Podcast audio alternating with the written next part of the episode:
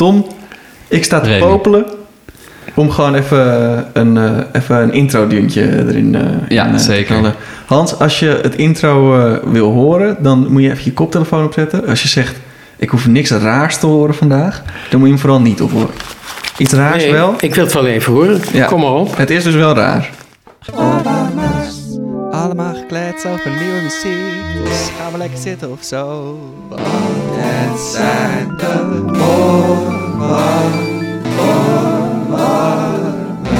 Zo, dat was het eh intro-deuntje.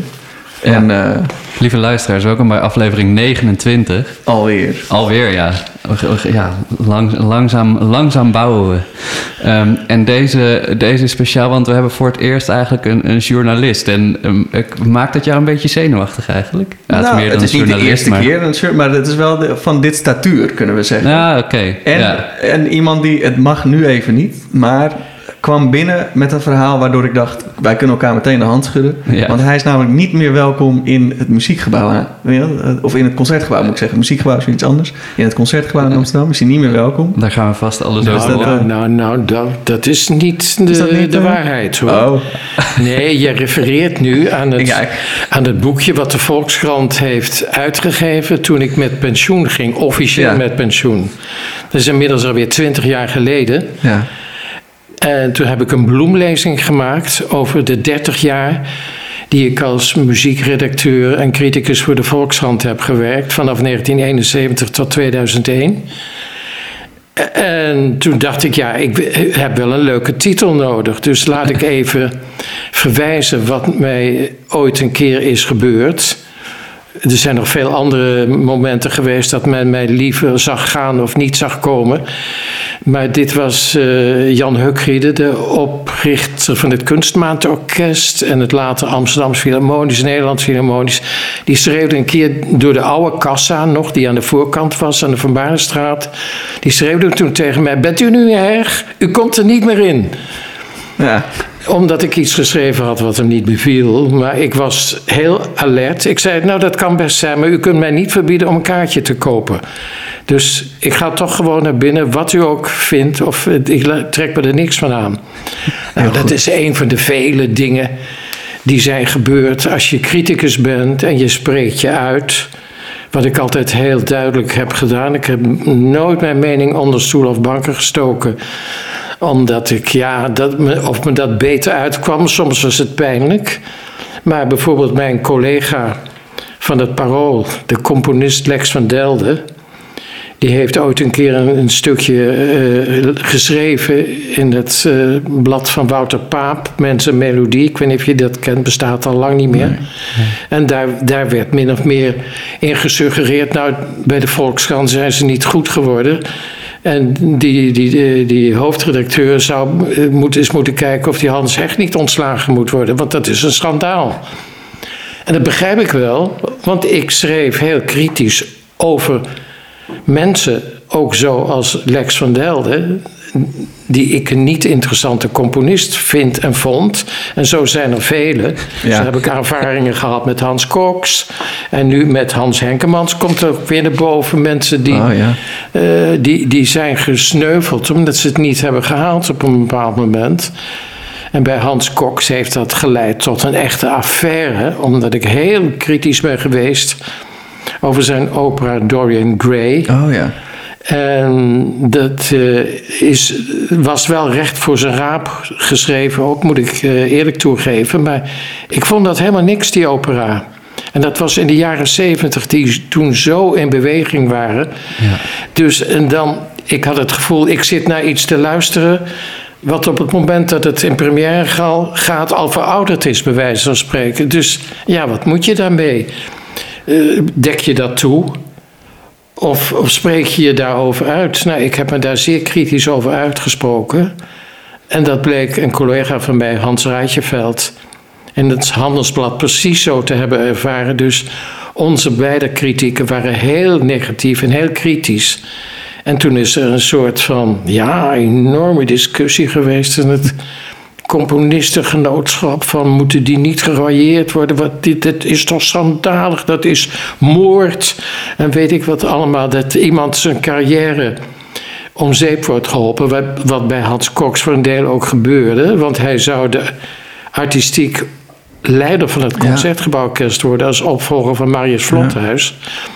En toen heeft hij eigenhandig ge- ge- zijn baan, dat, voordat hij in dienst trad, heeft hij het al geannuleerd. Dat, Ja. dat wordt niks. Als ik die mensen zo tegen mij heb, ja. Ja, wat wil je? Als je, als je een opera schrijft, dat is voor veel componisten, is dat hun Waterloo geworden. En dat zijn niet de geringste.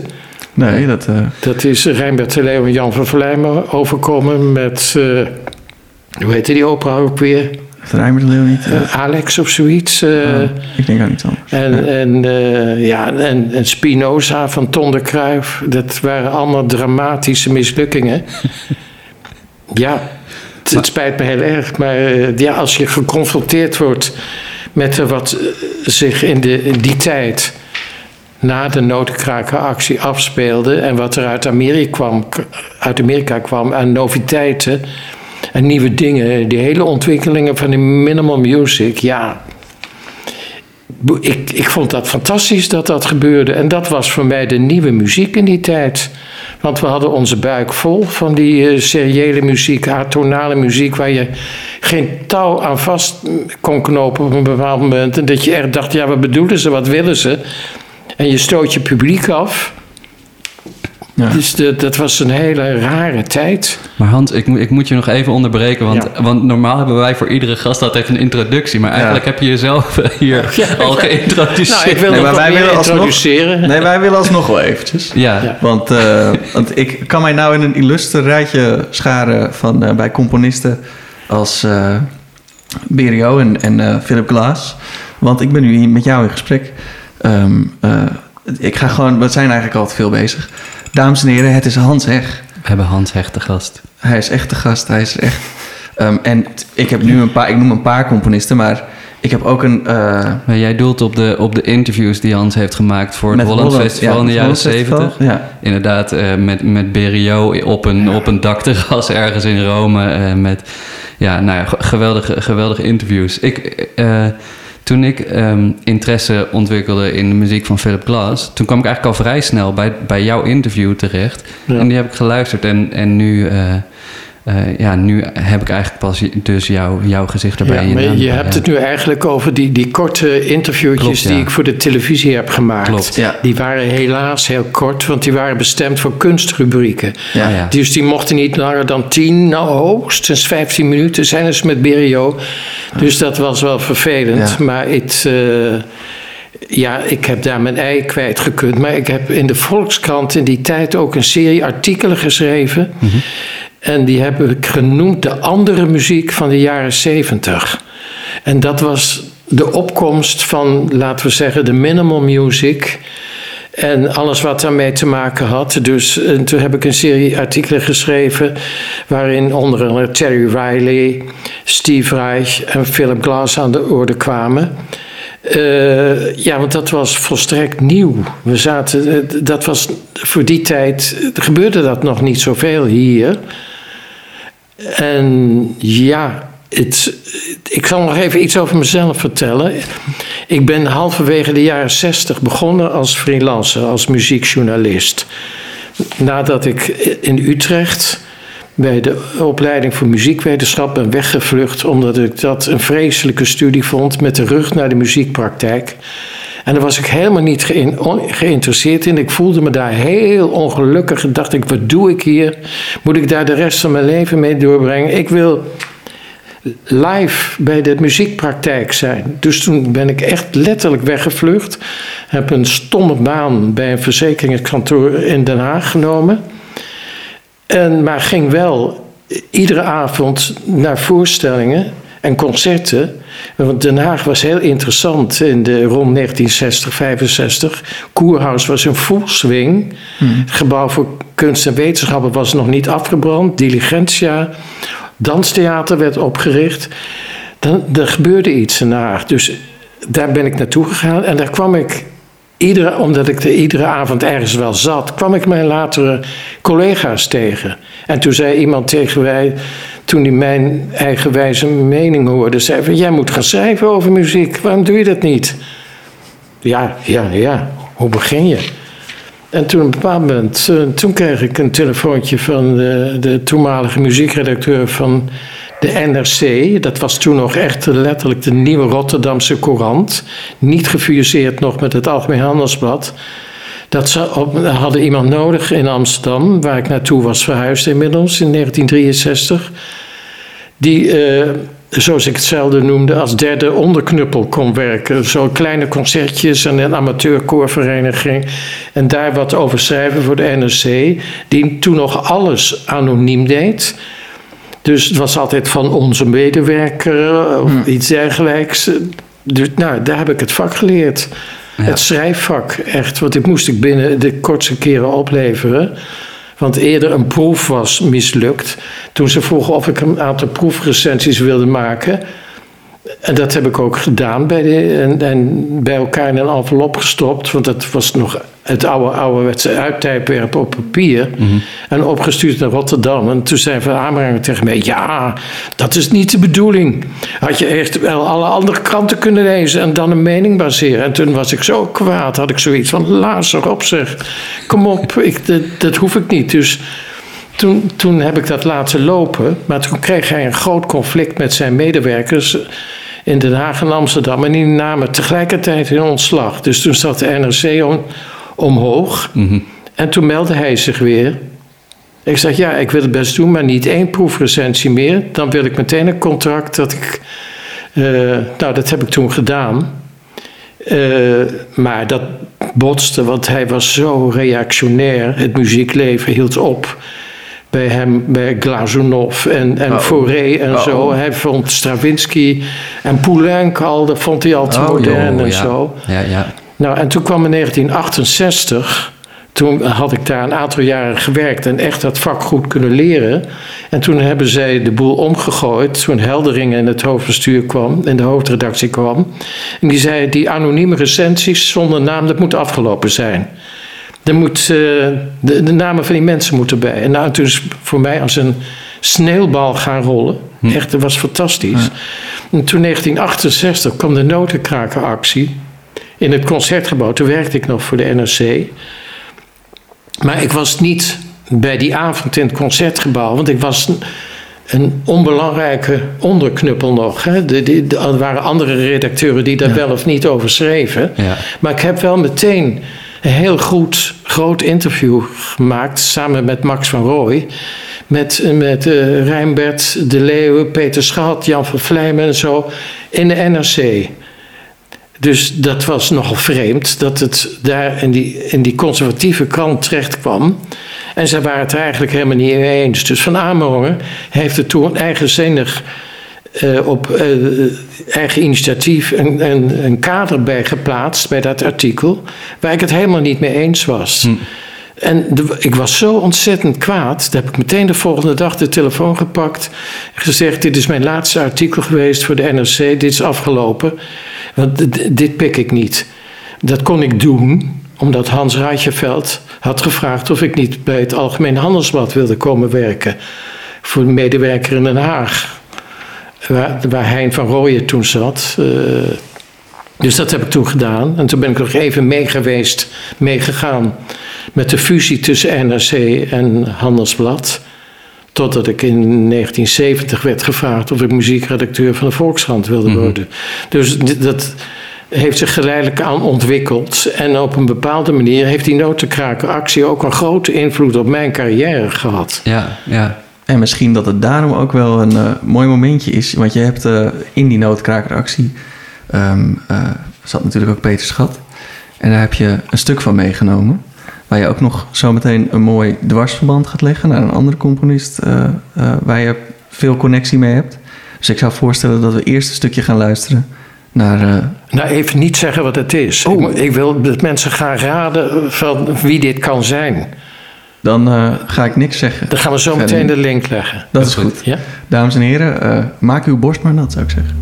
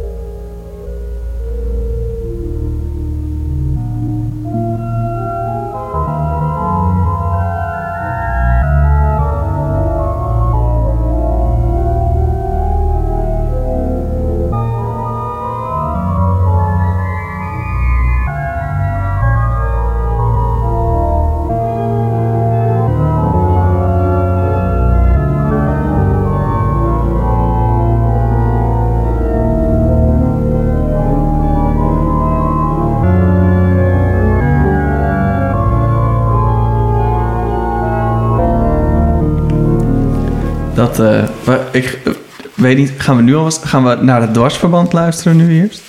Of gaan we nu eerst iets, wil je eerst iets zeggen? Ja, ja, het is goed, kan je doen. Ja, laat eh, dat volgende stukje maar horen. Dan zal ik de verschillen uitleggen wat hier aan de hand is. Oké. Is goed? Ja? Dus eerst even voor de mensen thuis weer. Zoek de verschillen, zou ik zeggen. ja, zoek de verschillen en zoek de overeenkomsten. Ja, En eh, denk even na over welke componisten dat zouden kunnen zijn. ik vind het nu al een leuk spelletje. Ja. We gaan dit Ik denk dat het volgende stuk niet zo moeilijk zijn, zal zijn voor de kenners. Maar eh. Nee.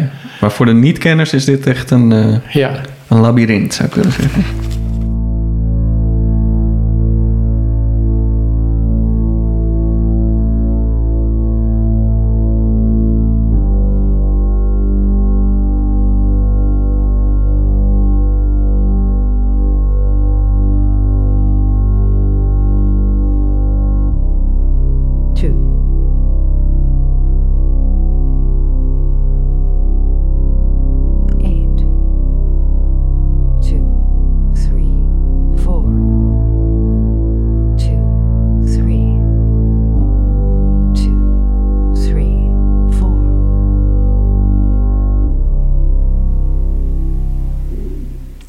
Dit was hier ook weer een fragmentje van.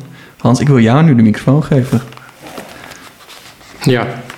Ehm, nou, tweemaal een orgelstuk. Eh, dat eerste stuk, dat is het opus 1 van eh, later een bekende Nederlandse componist... die eh, als, zich ga- zich gaarne als eh, avant-gardist en eh, afficheerde... en eh, vooraan stond eh, bij de notenkrakenactie gericht tegen het Concertgebouw... die te weinig aan programmeringsvernieuwing deed. Nou, dat stuk wat je nu hoorde, dat is... Franse or- orgelmuziek zou je kunnen zeggen uit het begin van de 20e eeuw. Louis Vierne, maar het is het opus 1 van Peter Schat. Da- ja, toen ik dat voor het eerst hoorde en zag, toen was ik stom verbaasd. Een, een, eh, een, een, eh, een passacaille en een fuga die hij die, die in 1954 schreef. En ja, die wel tot een ander soort oeuvre heeft geleid uiteindelijk. Met, hij is gaan studeren bij Matthias Zeiber en Pierre Boulez. Dus hij ging de atonale kant op. En is later weer eh, teruggegaan in de, in de tijd. Maar dit andere stuk, de tweede... Dat, eh, we hebben, het is jammer dat we het vervolg niet hebben gehoord. Van na deze orgelmaten begint er iets wat heel uniek is. Dat Ja. stuk is in de jaren, halfwege de jaren zeventig geschreven. Dat zijn de eerste maten uit de opera Einstein on the Beach van eh, Robert Wilson en, en muziek van Philip Glass. Ja. En dat is ja, bepalend geweest voor de ontwikkeling. Dat heb ik ook zo beschreven in een van mijn stukken die ik voor de Volkshand heb geschreven.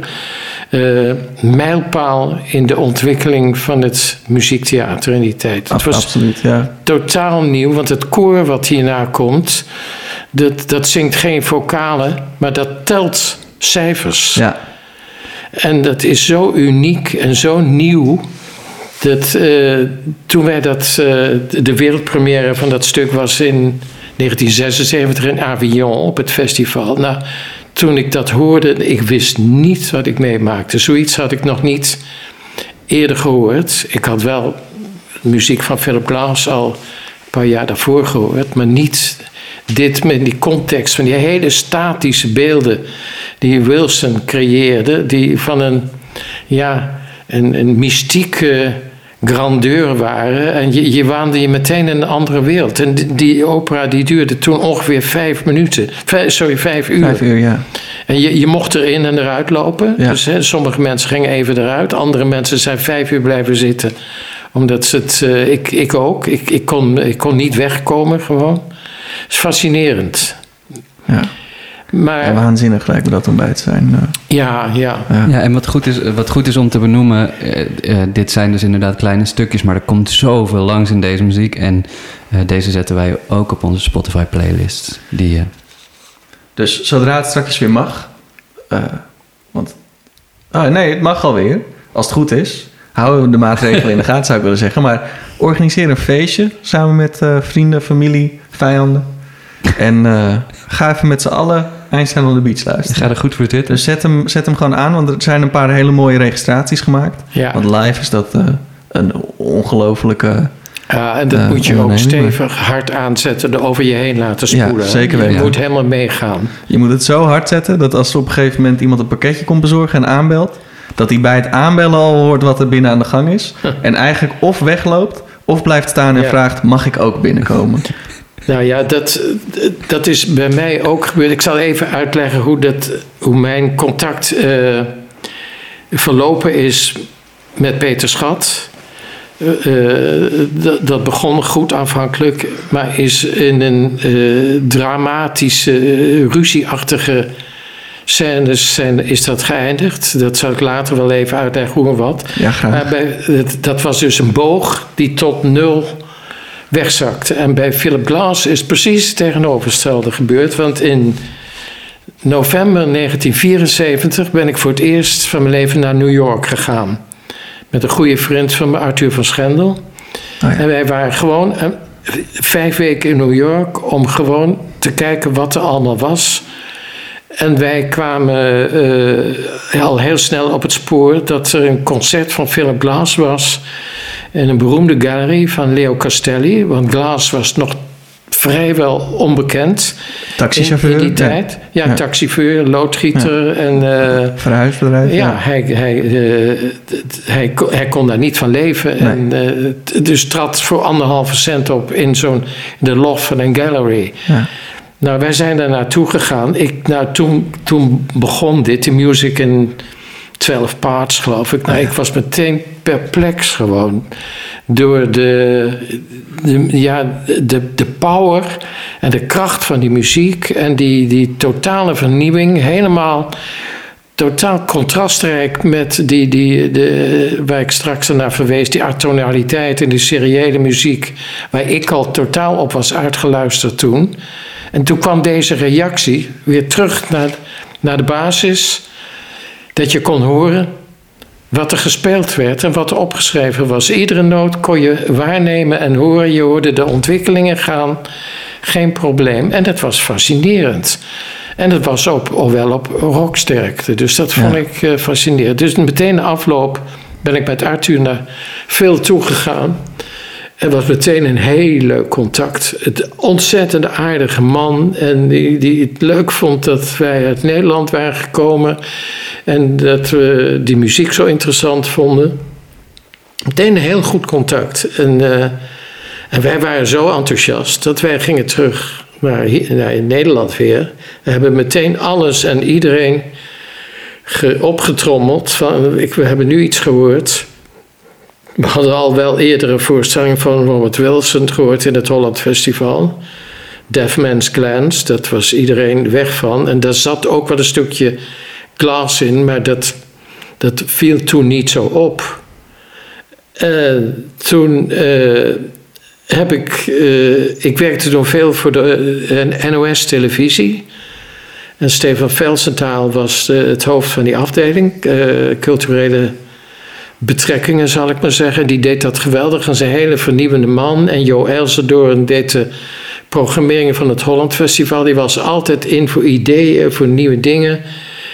En Arthur heeft het eh, elders aan de kaart gebracht. En de Mikkery, dat theater, avant-garde theater toen in Amsterdam.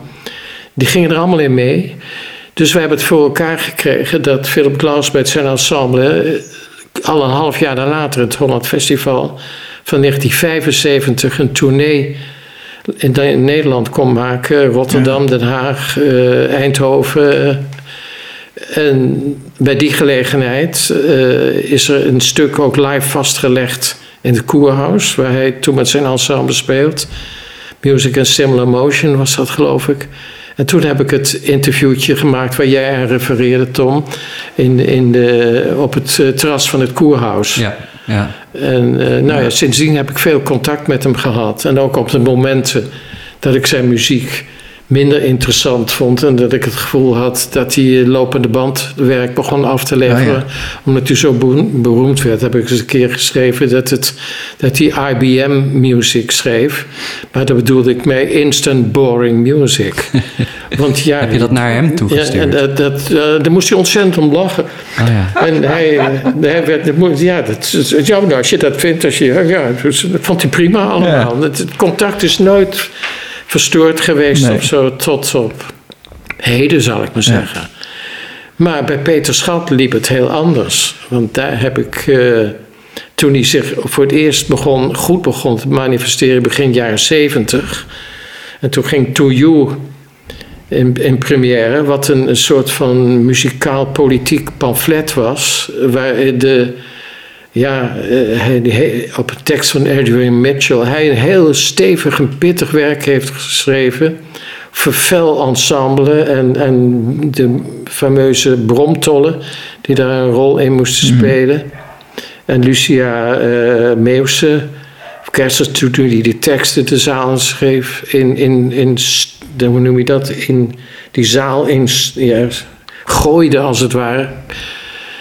En toen zat ik in een commissie van de gemeente Amsterdam, die jaarlijks de Matthijs van Meulenprijs uitkeerde. En toen hebben we dat voor, eh, voorgedragen, dat dat To You van Peter Schat moest worden. Ja. En er was geen interessanter, beter werk op dat moment.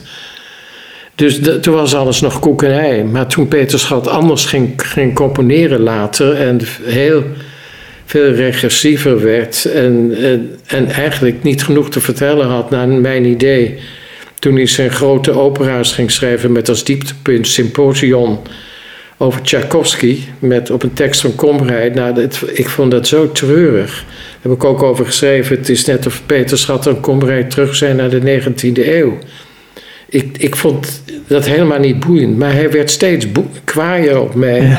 En beschuldigde mij van alles en nog wat. Ging onder de gordel. Beschuldigde me op een bepaald moment eh, dat ik een, eh, van diefstal. Dat ik een pagina had gestolen bij Oh, ja. Donemus, hè, Oh, de joh. documentatiecentrum Ja. Nederlandse. Muziek. Want die was zoek en dat had ik gedaan. Dus eh, hij meldde zich met een jurist bij de hoofdredactie. En die, die kwamen dan bij mij natuurlijk, want dat was wel eens eerder gebeurd zoiets. Niet van hem, maar ook van anderen. dat, ik zei, dat ik zei toen tegen de toenmalige hoofddirecteur, dat was Harry Lokkeveer. Want Peter Schat had natuurlijk een grote naam. Hè? Er was Ja. een bekendheid. Dus die zei zo van... Toen zei hij, kan je even bij me komen om daarover te praten? Wat, ja, wat moet ik daarmee? Met die beschuldiging. Ik zei, moet je daarmee? Je wilt toch wel mijn kant van het verhaal horen? Je denkt toch niet dat ik gek ben dat ik Ja. zoiets ga doen? Want ik ben wel eerder al eens bes- beschuldigd van het feit dat ik over iets schreef waar ik überhaupt niet bij was geschreven. Dat was Oh, ja. bij een hoofdredacteur daarvoor, dat ik mij ook moest verdedigen. Dus zeg ik, ja, wat denken jullie nou eigenlijk wel? Nee, nee, nee, nou, nou goed dan. Ik zeg, ja, maar zet, zet er maar een zelf een advocaat tegenaan. Ja. Nou, nooit meer iets over gehoord Nee. natuurlijk. Want het was, hij probeerde iedere keer mij totaal zwart te maken en, eh, en collega's of vrienden zover te krijgen om mij onder de grond of, eh, te boren. Dus dat heeft Abraham de Zwaan ook gedaan in een artikel, in, kan je nog terugvinden, Oh, ja. in het Algemeen Handelsblad. Dat ik totaal niet deugde en... eh, nou ja, Ja, je zit er nog steeds, Hans. Dus ja, dat- het is, het is van aangetrokken. het is En- niemand gelukt. Dat is dan gewoon nee, mooi. Ja. Dat is waar, ja. Nee, maar het, het, het, het bizarre is natuurlijk dat ik er nog ben en nog steeds ben en nog af en toe wat schrijf en mijn meningen poneer of niet, maar dat hij er niet meer is. Hij is dood. Nee, ja. Dat is natuurlijk heel triest. Ja, dat. Maar wat nog veel triester is, dat hij bijna niet meer wordt uitgevoerd. dat is wel waar. Wie, heb je ooit in de laatste jaren nog een stuk van Peter Schat gehoord ergens? Nou ja, in, eh, ja het, of tenminste een aantal jaar geleden is To You in Tilburg dan uitgevoerd. Ja, ja. Maar, ja, Dus hij, af en toe nog. Maar ja. Hij komt hij, bijvoorbeeld, dus hij, is niet, hij komt niet te gast in deze podcast. Hij komt er niet in. Nee, nee, nee, Oh, hij komt oh, er niet in. jammer voor hem. Nee, dat, ja. Maar dat dat, ligt ook aan andere dingen, maar eh, Ja, nee, eh, ja, maar kijk, het, het, het, het is zo raar als ik terugkijk hoe, hoe dat loopt en gelopen is. ja. Want sommige dingen, daar heeft het toeval een grote rol gespeeld. Dat, dat ik eh, met de nodige ac- actie Ja. waar ik niet bij was en niks mee te maken had, maar die wel een draai aan mijn carrière heeft. Dat Ja, ik mijn precies. latere collega's tegen kwam in Den Haag en Scheveningen toen ik ben weggevlucht van die muzie- muziekwetenschapsstudie. En zo, ja, dat ik. eh, soms dan werd het me op een presenteerblaadje aangeboden dat ik naar de Volkskrant kon overstappen. Wat ik heel vervelend vond voor Hans Rijtjeveld, want dat was een geweldige hoofdredacteur. Die, die, eh, die zo'n liefde had voor de muziek en zo. Want die, die, ik herinner me nog dat hij een keer tegen mij zei, toen deze nieuwe richting van de minimal music kwam. Hè, toen zei hij, ja, wat moet, wat moet ik daar nou mee? Wat moet ik nou? Ik weet daar niks van en zo. Ik zeg, Hans, maak je geen zorgen. Ga er gewoon naartoe. Ga luisteren. Kijk wat je ervan vindt. En schrijf gewoon op wat je ervaring is. Je moet je geen zorgen maken. Ja, meen je dat nou echt? Ik zeg, ja, gewoon doen. De, hij was zo onzeker wat dat, die vernieuwingen betreft. Dat snap ik wel. Hij was een generatie ouder dan ik. Ja. En eh, was onzeker, kennelijk een bepaalde periode, omdat hij niet wist of hij met de fusie van NRC Handelsblad, de NRC en Handelsblad mee kon Ja. naar de nieuwe krant. Nee, precies. Want hij was bang dat Alex van Amerongen, die, de, de, de muziekdirecteur van de NRC, de nieuwe belangrijke man zou worden. Ja. Dus ik zei tegen hem, nou, er is geen sprake van. Die man die leeft in de vorige eeuw. Dat zou een shame zijn voor de krant als ze dat zouden doen. Maak je geen zorgen, nou, dat is ook niet gebeurd. Hij is gewoon de nieuwe hoofdredacteur, Ja, muziekredacteur geworden. Ja. En Hans, denk je dat het er automatisch bij hoort als, als recensent dat je, dat je vriend en vijand hebt in. in ja, ja? ja, dat weet je. Ja.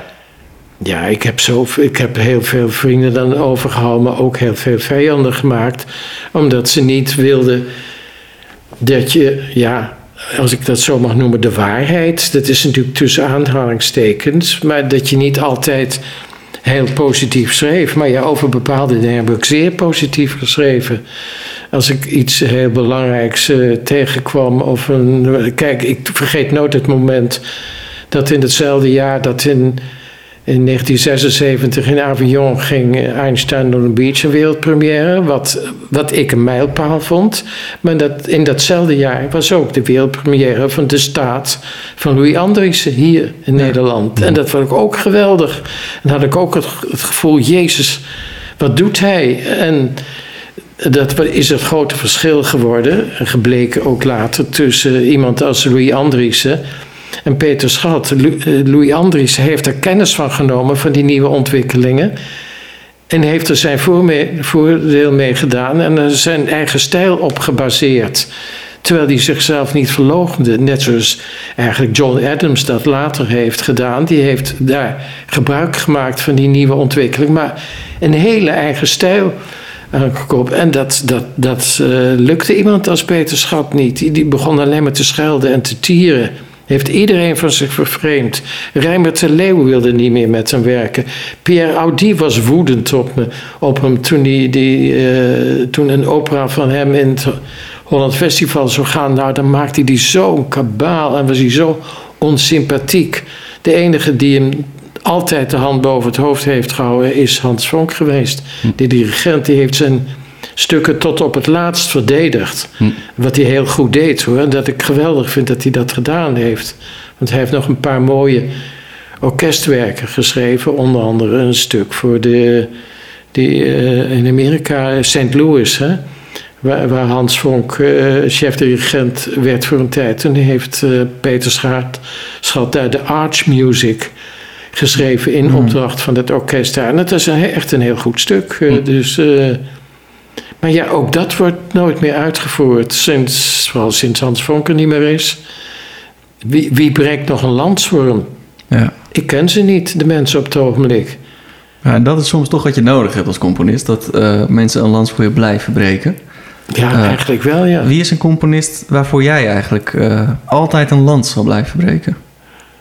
Levend of dood? Maakt mij niet uit. Maar jij mag kiezen. Nou, dan kies ik voor Stravinsky. Kijk, ja, dat... eh, En, en daar ben ik nu weer gemotiveerd om dat te doen. Want het, hij is eh, nu dit jaar, 19, eh, 2021, is het vijf jaar, 50 jaar geleden dat hij overleed. Nou, ik vind dat er zo bitter weinig wordt gedaan met zijn muziek. Ja, te weinig. ja. Bijna niks. Het is niet te geloven. Ik heb al een paar jaar geleden eh, bij eh, zowel Ted Brandsen als bij eh, Pierre Audi eh, aangekaart van denk erom. In 2023, dan is het 100 jaar geleden, dat Lendos, dat ballet Lendos Ja. en première ging in Parijs. Tien jaar na de Sacre du Printemps. Nou, die Sacre, dat is een wereldwijd ja, uitgelopen schandaal geworden, zal ik maar zeggen. Omdat het de combinatie was van die onbegrijpelijke muziek. Toen de tijd voor het publiek in 1913. Ja. Die ze niet goed konden spelen toen nog. En een krankzinnig ballet. Met Nijinsky, de beroemde Waslav Nijinsky in de hoofdrol. Hè? Ja. Dus het is niet alleen muzikaal, maar ook theatraal een schandaal geworden. Wat zijn weerga niet heeft gehad. Maar op dat moment was Stravinsky al bezig met een volgende opdracht voor Diaghilev en zijn ballet. En, en dat was onder andere Lenos, die Russische boerenbruiloft die in zijn kop. Hij werkte al in 1913, werkte hij al aan. Maar hij kon niet de vorm vinden waarin dat mo- moest worden eh, gegoten uiteindelijk. Hè? Hij heeft er tien jaar mee geworsteld. En, want, hij heeft ge- eh, want hij wilde daarvoor pianola's gebruiken. Om, om het, het mechanische eh, heel erg duidelijk te maken. Dat, dat strakke, wat hij. Maar dat, dat kreeg hij technisch niet voor elkaar. En toen heeft hij een orkestversie gemaakt. En daar was hij niet tevreden over. Want dat werkte niet. Dat was niet mechanisch. En niet hamerend genoeg. En toen is hij bij de, bij de latere definitieve versie gekomen. Van eh vocale solisten, kamerkoor, slagwerk. Hè? En met over een boerenbruiloft. Met schreeuwende teksten, dronkensliederen en alles en nog wat. En vier vleugels. Nou, dat was een vondst van je welste. Maar ja, dat is een hele moeilijke, hartstikke dure toestand om Ja. telkens vier goede pianisten te vinden. Ja, ja. En die vier vleugels die iedere keer in die zaal moeten komen, die gehuurd moeten worden. Maar het, het zijn geweldige balletten en, en geworden. En wat het bijzondere daarvan is, en daarmee heb ik zowel Audi als eh, Ted Brandsen gezegd, de, de oerversie van de choreografie, die bestaat nog. En die is overgeleverd door de zuster van Nijinsky, eh Bronislava Nijinska. Die heeft dat gemaakt. En dat is vastgeleverd, dus overgeleverd. Het Royal Ballet heeft dat ooit weer teruggebracht. En dat was ongelooflijk fascinerend, want zij gingen dwars tegen de tradities van het klassieke ballet in. Met mooie dansen en met Ja, tutus. absoluut, er stonden allemaal mensen in boerenkostuums. Ja. Die hele eh, volkse dansen maakten en rechthoekig en zo. Het- het- En het is fascinerend. En het eh, Nationale Ballet eh, heeft, ik weet niet of Ted Brandsen, de huidige artistiek directeur, toen al in dienst was, maar die hebben dat overgenomen van Londen en op hun repertoire genomen. Dat heeft een paar jaar hebben ze dat gehad. Het was fascinerend Oh, om ja. te zien. Maar in Den Haag, daar was Jiri Kilian bezig en die heeft een eigen versie gemaakt. En die noem, hij noemde dat Zwadepka, de, de originele Russische titel van die boerenbruiloft. En hij heeft die prachtig, heel ander nieuw ballet opgemaakt. Een typisch Ja. Kilian ballet. Nou, dus ik roep iedere keer, Jezus, dat is ooit gemaakt hier in Nederland. En we hebben die versie van Nijinsky bij het Nationaal Ballet gehad. Waarom brengen jullie dat niet een keer bij elkaar? Allemaal, maak er een festival omheen. Zorg dat al die gezelschappen... Dan krijg je een stukje ballethistorie van hier tot Gender te horen. Ja. En een absoluut meesterwerk. Want iedere ik heb het zo, ja, helaas zo weinig gehoord, dat stuk.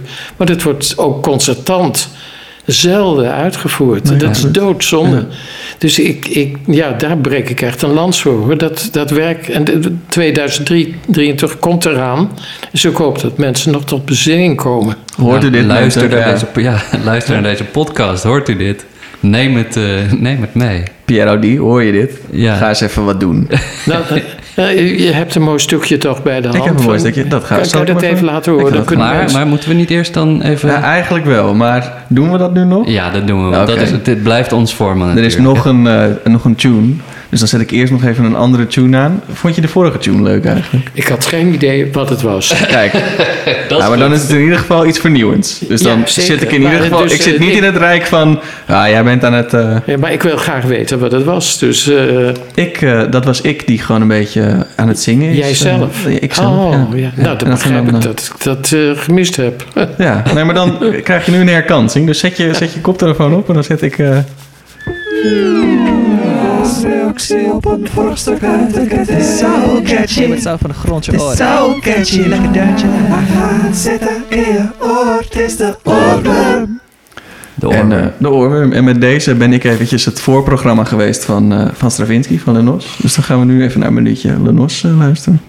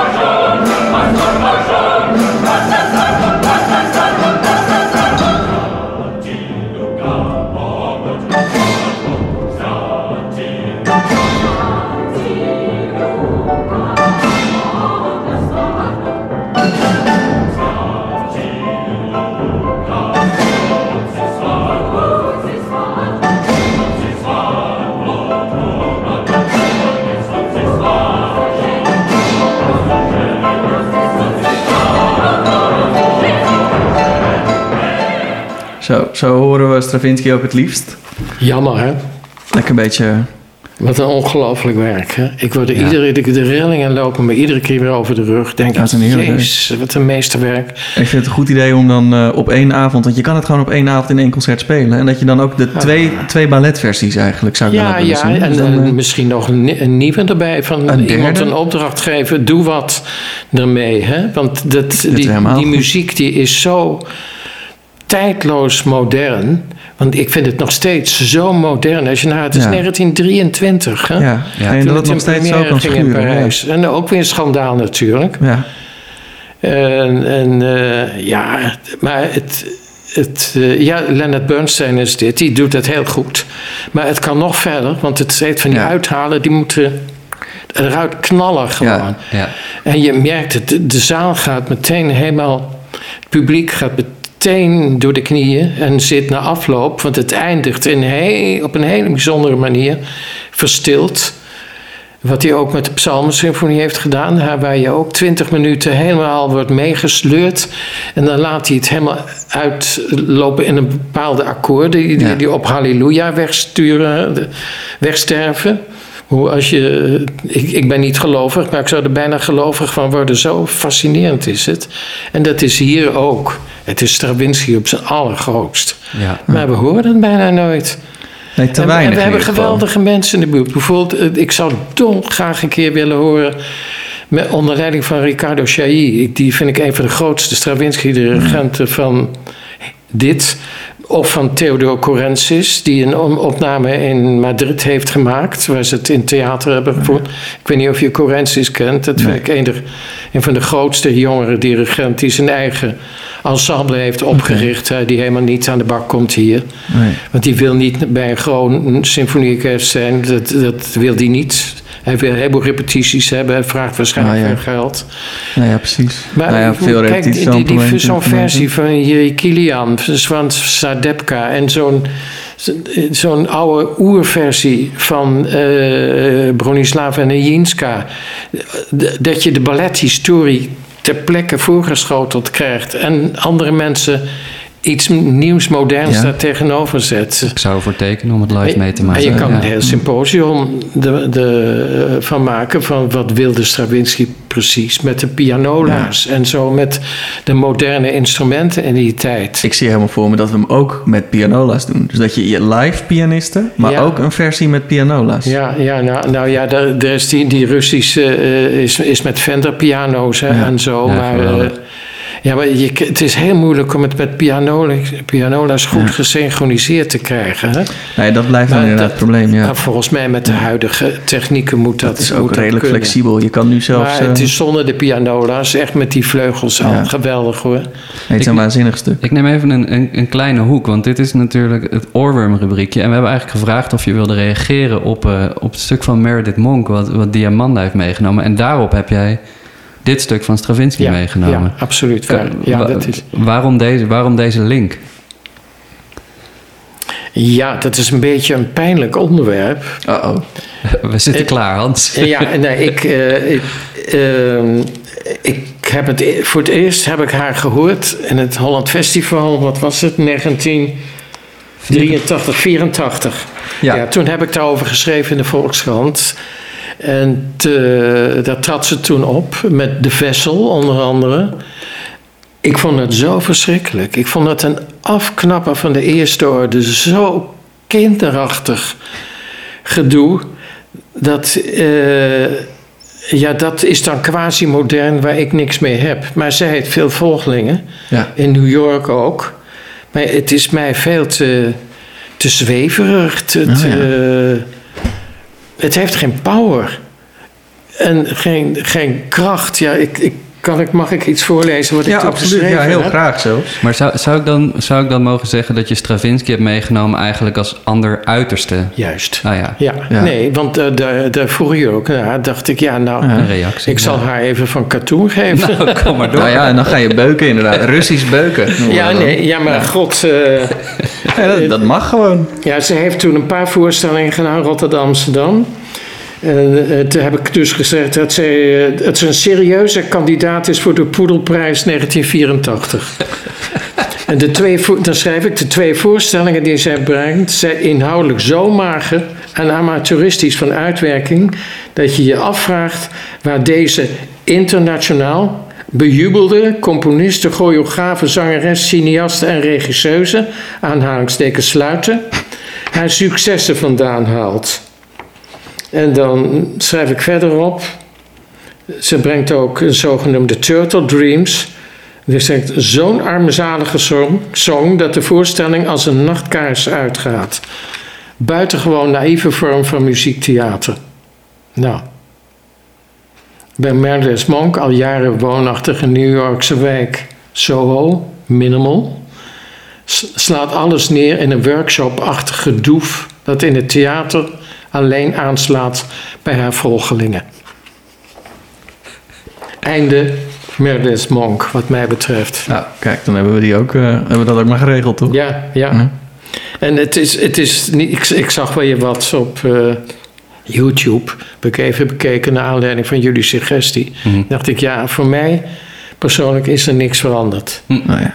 Het, ik weet niet waarom dat mij dat niet aanspreekt. En, eh, kijk, ik vind een figuur als Laurie Anderson veel interessanter. Die, die heeft veel meer creatieve power in zich.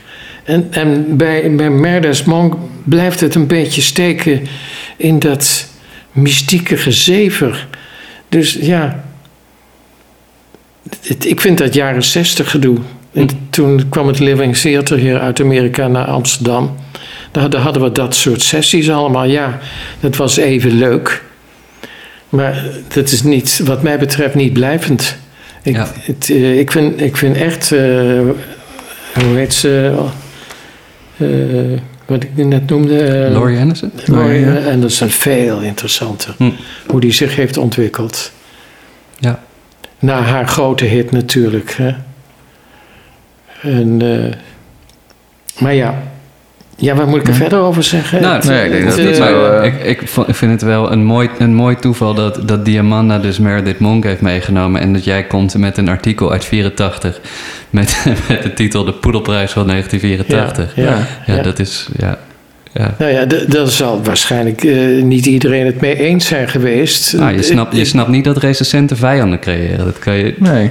Maar ja, dan, dan is het misschien leuk om nog even die verbinding te leggen met Philip Glass en Ja. Peter Schat. Want toen Glass hier eh, in 1975 zijn grote doorbraak had met die concerten en het, en het jaar daarna eh, met eh, Einstein on the Beach, hè, dat waren echt een grote hit toen. En in één klap was hij de grote nieuwe man. Nou, je moet eens weten hoe ik beschimpt ben door ook onder andere Peter Schat, die mij voor gek verklaarde dat ik als een kip zonder kop achter de nieuwe kleren van de keizer aanliep. Hè? En die nieuwe kleren van de keizer, dat was ja. dus eh, Philip Glass en, en Steve Reich en, en eh, Terry Riley, eh, dat soort figuren. Dat vond hij helemaal niks. Maar al een heleboel anderen, zoals Rijnbert ook, die, Ja. heeft, die heeft zich wel heel sterk gemaakt voor met name Steve Reich. En die vond, eh, Philip vond die, eh, die muziek vond hij te simpel. En, eh, maar, en John Adams heeft Rijnbert zich natuurlijk enorm voor ingezet. En Louis Andriessen heeft daar zijn voordeel mee gedaan. Maar ja, ik, ik werd dus echt uitgescholden. En, en eh, ja, waar is die, die, die idioot mee bezig? En zo dacht ik, nou, ja, ik laat me niet van de wijs brengen. Ik weet zelf wel wat, wat ik wel en niet interessant vind. Eh, ja, de- Ja. het- als je zo'n functie wilt hebben en wilt volhouden, dan moet je heel laag kweken. Ja, als je, als je geen, eh, criticus wilt zijn, dan eh, mo- moet je je durven uitspreken. Want de mensen, Absoluut, ja. collega's van mij, we kennen genoeg. Die, die zich gedragen, gedroegen als een ongevallen boekenkast en zo, maar geen mening hadden. Ja, zuster, nee, zuster, Ja. geen mening. En ja, wat koop ik daar nou voor? Ja, Maar ja, dat moet je bekopen met eh, frontale aanvallen. Ja. ja. Maar goed, dat, daar kom je dan ook weer doorheen en dan zeg je er nog een keer wat over. Zo Ja. is het ook. Ja, nee, ik blijf terugmappen ja. natuurlijk. Nee, dat eh, moet je ook niet mee ophouden. Ja. Hey, ehm, dan heb je zo'n leven gevuld met muziek eigenlijk. welke muziek luister je nu heel veel naar? Wat is er nu in je leven dat je zegt, oh, dat eh, misschien een nieuwe ontdekking of misschien iets van juist eh, een aantal jaar terug wat je nu weer, wat nu weer heel erg terugkomt Ja, ja, bij je? je, je komt natuurlijk te- telkens nieuwe, nieuwe dingen tegen, andere dingen. Maar eh, ja, het, het, ik bemoei me natuurlijk nu niet meer, nu ik gepensioneerd ben. En dat is niet de voornaamste reden. Maar ik heb natuurlijk, toen ik 30 jaar bij de Volkskrant heb Ja. gewerkt... eh, toen was ook net in de tijd dat ik met pensioen moest... Dus toen heb ik dat ook afgesloten. Heb ik ook Ah, ja. gezegd, ik, ik wil... Ik heb een ontzettende leuke, fantastische tijd gehad. Leuke collega's gehad. We hebben die krant helemaal kunnen uitbouwen.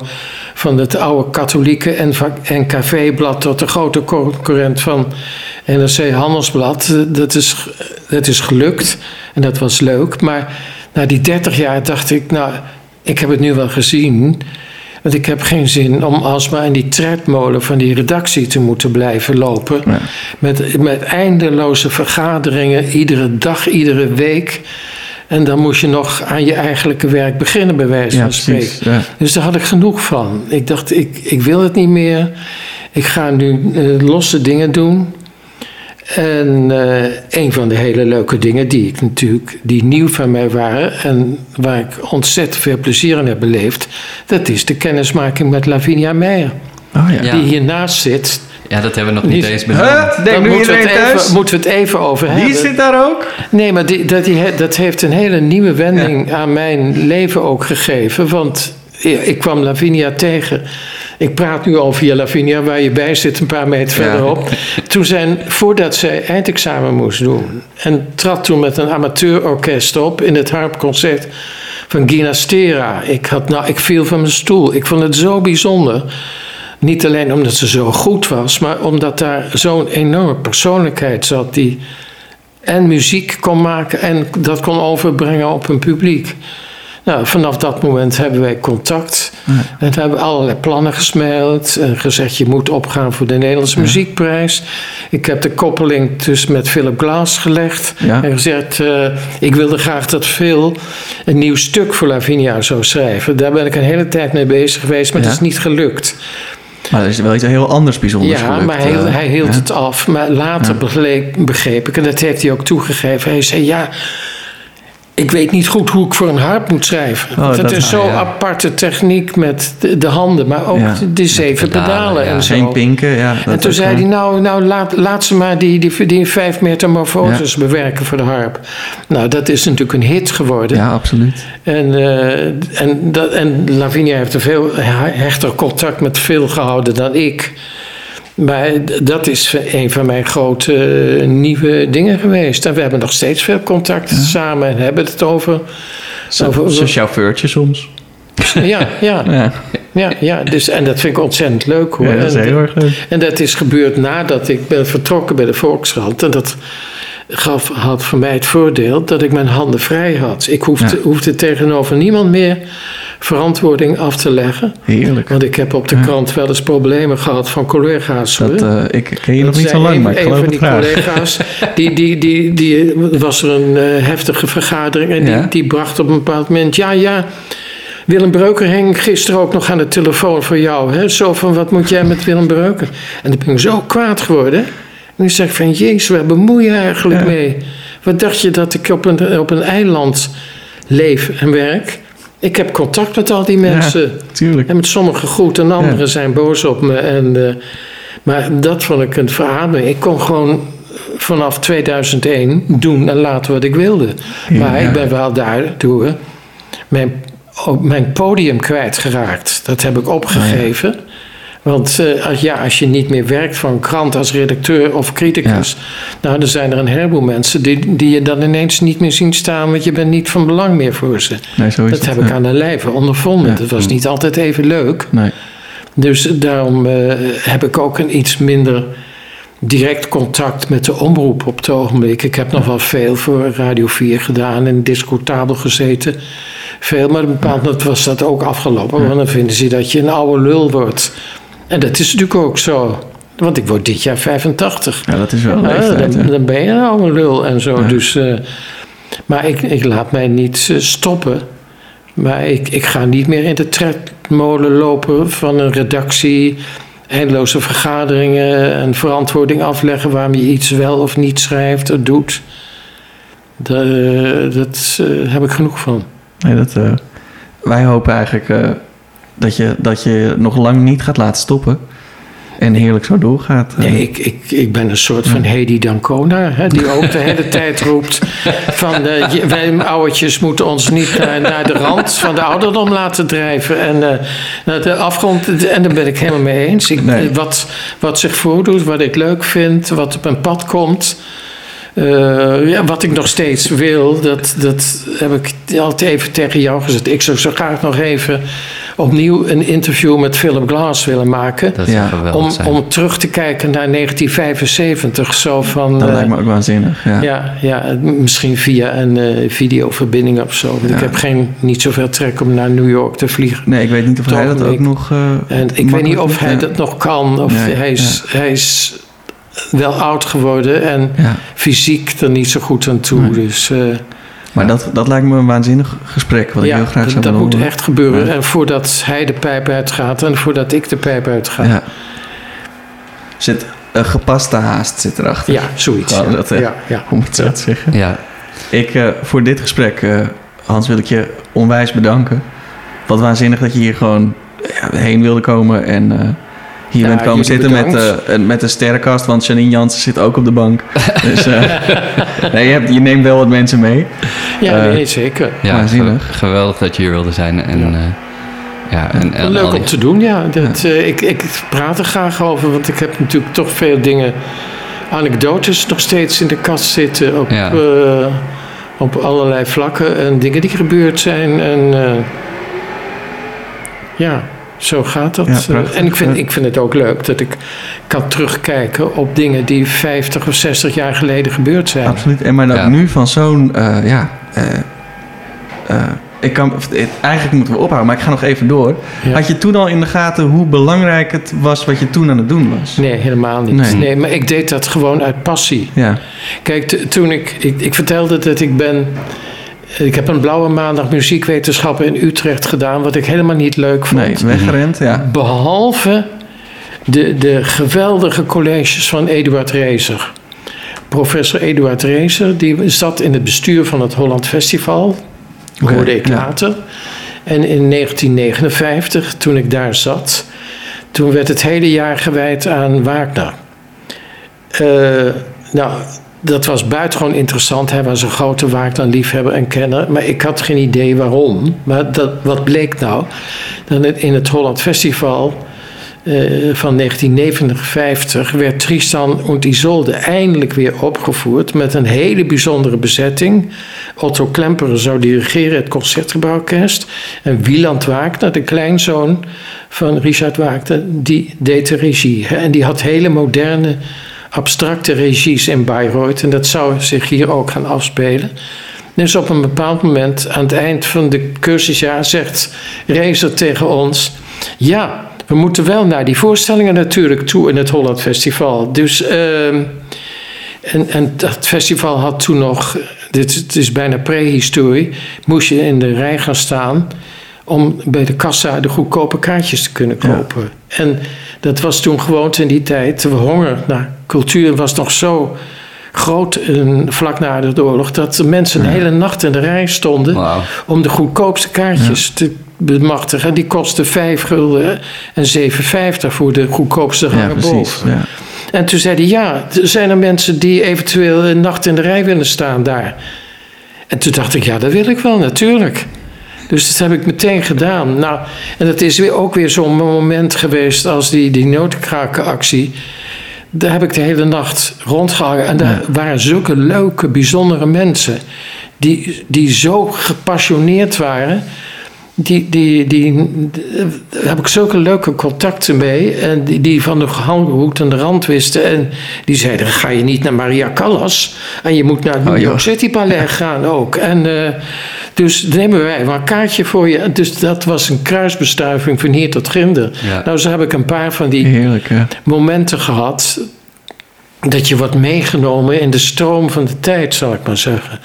En ja, je kunt, daar, je kunt dat niet doen, laten lopen. Of je kunt daarop ingaan en op inspringen. En, en zo heb ik heel veel van die momenten gehad.